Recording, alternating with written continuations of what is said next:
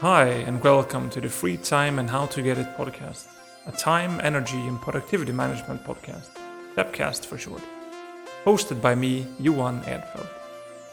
The goal of every episode is to provide you with something to increase your time, energy, and productivity management skills, and hopefully give you a more fulfilled life.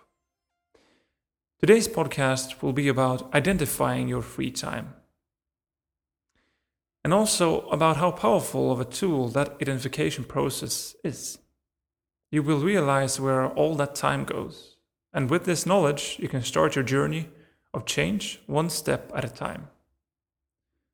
So it's time to get to work. It's time for you to identify your free time and also in that process identify all your other time. It's called time mapping or time logging. In a way, it's setting up a budget for your time to identify where you spend your time. You can do this in many different ways, but let's start with today 24 hours. That's all you have. Nothing more, nothing less. Well, if we're going to get scientific, you might argue that depending on the time base chosen, you might have more or less hours, and comparing to the fact that Earth does not take exactly 365 days to travel around the sun, blah blah blah. Yeah, but let's stick to the overall general assumption that a day is filled with exactly 24 hours. These hours are yours. I cannot stress this enough. The 24 hours during a day is yours, nobody else's. You choose what to do with them. Of course, most of us have our obligations towards ourselves, family, work, school, or similar. But you do have your say in all of these things. And nobody have more than 24 hours. Even the richest man or woman in the world have 24 hours, same as the poorest. We're all equal in that aspect. Some people are very effective, some people have help or other skills and benefits that can assist them in extending their free time, but they don't get more than those 24 hours. That's a fact. Some people have worked hard to get a certain job that requires longer hours than previous jobs, but it also comes with larger rewards. The amount of hours spent at a job in terms of what is gained is very different for all of us. Some people enjoy having a steady job with the same challenges every day, whilst others prefer to come into something different more frequently. Some have a specific hobby that requires them to allocate certain time for that. Others have large families that need help. Some have both. There is an endless possibility of what the time we all have is spent on. But you can be sure that it's 24 hours in a day. And in the end of it, it's mostly under your control. Of course, you cannot control certain things. Maybe one day you or a friend of yours get injured that prohibits certain activities. Then again, you could also be healthy as ever and have a multitude of energy available for you choosing. In summary, there are a lot of ifs and buts and maybes, but 24 hours is overall equal to all people. Make sure you use this time for something good, something that you enjoy and like to do. To build the dream of your life, you need to wake up, no pun intended, and grab the time floating around you and make that magic happen. And I'm going to help you. I'm going to help you on your way towards greatness and on your way of structuring that time of yours in a productive manner.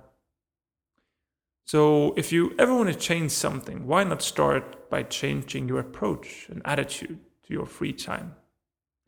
Make sure to make it useful. Make sure to take advantage of it because every minute counts. If you, for every five minutes of break time, take that time to start thinking about a short story, I can guarantee you that you'll have the story outlined in just a couple of days. It all takes that first step, that spark, that ignition source for something great to truly change your life forever. So, the assessment of today is starting by downloading a template for a time map or time log for my homepage. Or maybe you just prefer an old school uh, style and just grab a pen and paper.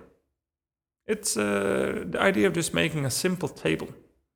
Just a couple of vertical and horizontal lines, and then put in some categories like work, sleep, travel, TV, etc. And then it's time to put some figures on it to split up those precious 24 hours into what you actually do and where you put your time. Repeat these tasks every day for a week and see if there is a pattern there. Are you sleeping too little? Are you working too much? Is the TV time a little bit too high? Whatever it might be, before any real changes can come into the game, it's important to have data available for it to be interpreted. You can do a lot of things at the same time and produce massive amount of stuff if you're motivated and engaged in that moment. However, imagine what you could have done if that TV did not get two priority hours of your time every day. A priority hour is when you only do one thing at a time. But maybe it's a combination of your evening meal and the screen. Fair enough. But is that always the case, though? If you have a partner or a family, don't spend every dinner in front of the TV together. Sit by the dinner table and just talk with each other. Speak your mind out and focus on your loved ones instead. He or she is much more important than some episode of some series that doesn't gonna matter at all in five years. But the wonderful person sitting across the table from you will hopefully be with you all your life if you let them. This concludes today's episode. Thank you very much for listening. Send in your questions to the freetimepodcast at gmail.com and I'll gather them in a Q&A session once in a while. Be sure to check out all my other projects on johanedfeld.com, comment on my free time podcast page on Facebook, listen to my music on Spotify, try out my finance management tool for your household economics, and why not read a poem or two? Download the time map from johanedfeld.com slash downloads. Thank you very much for listening, and I'll see you next week.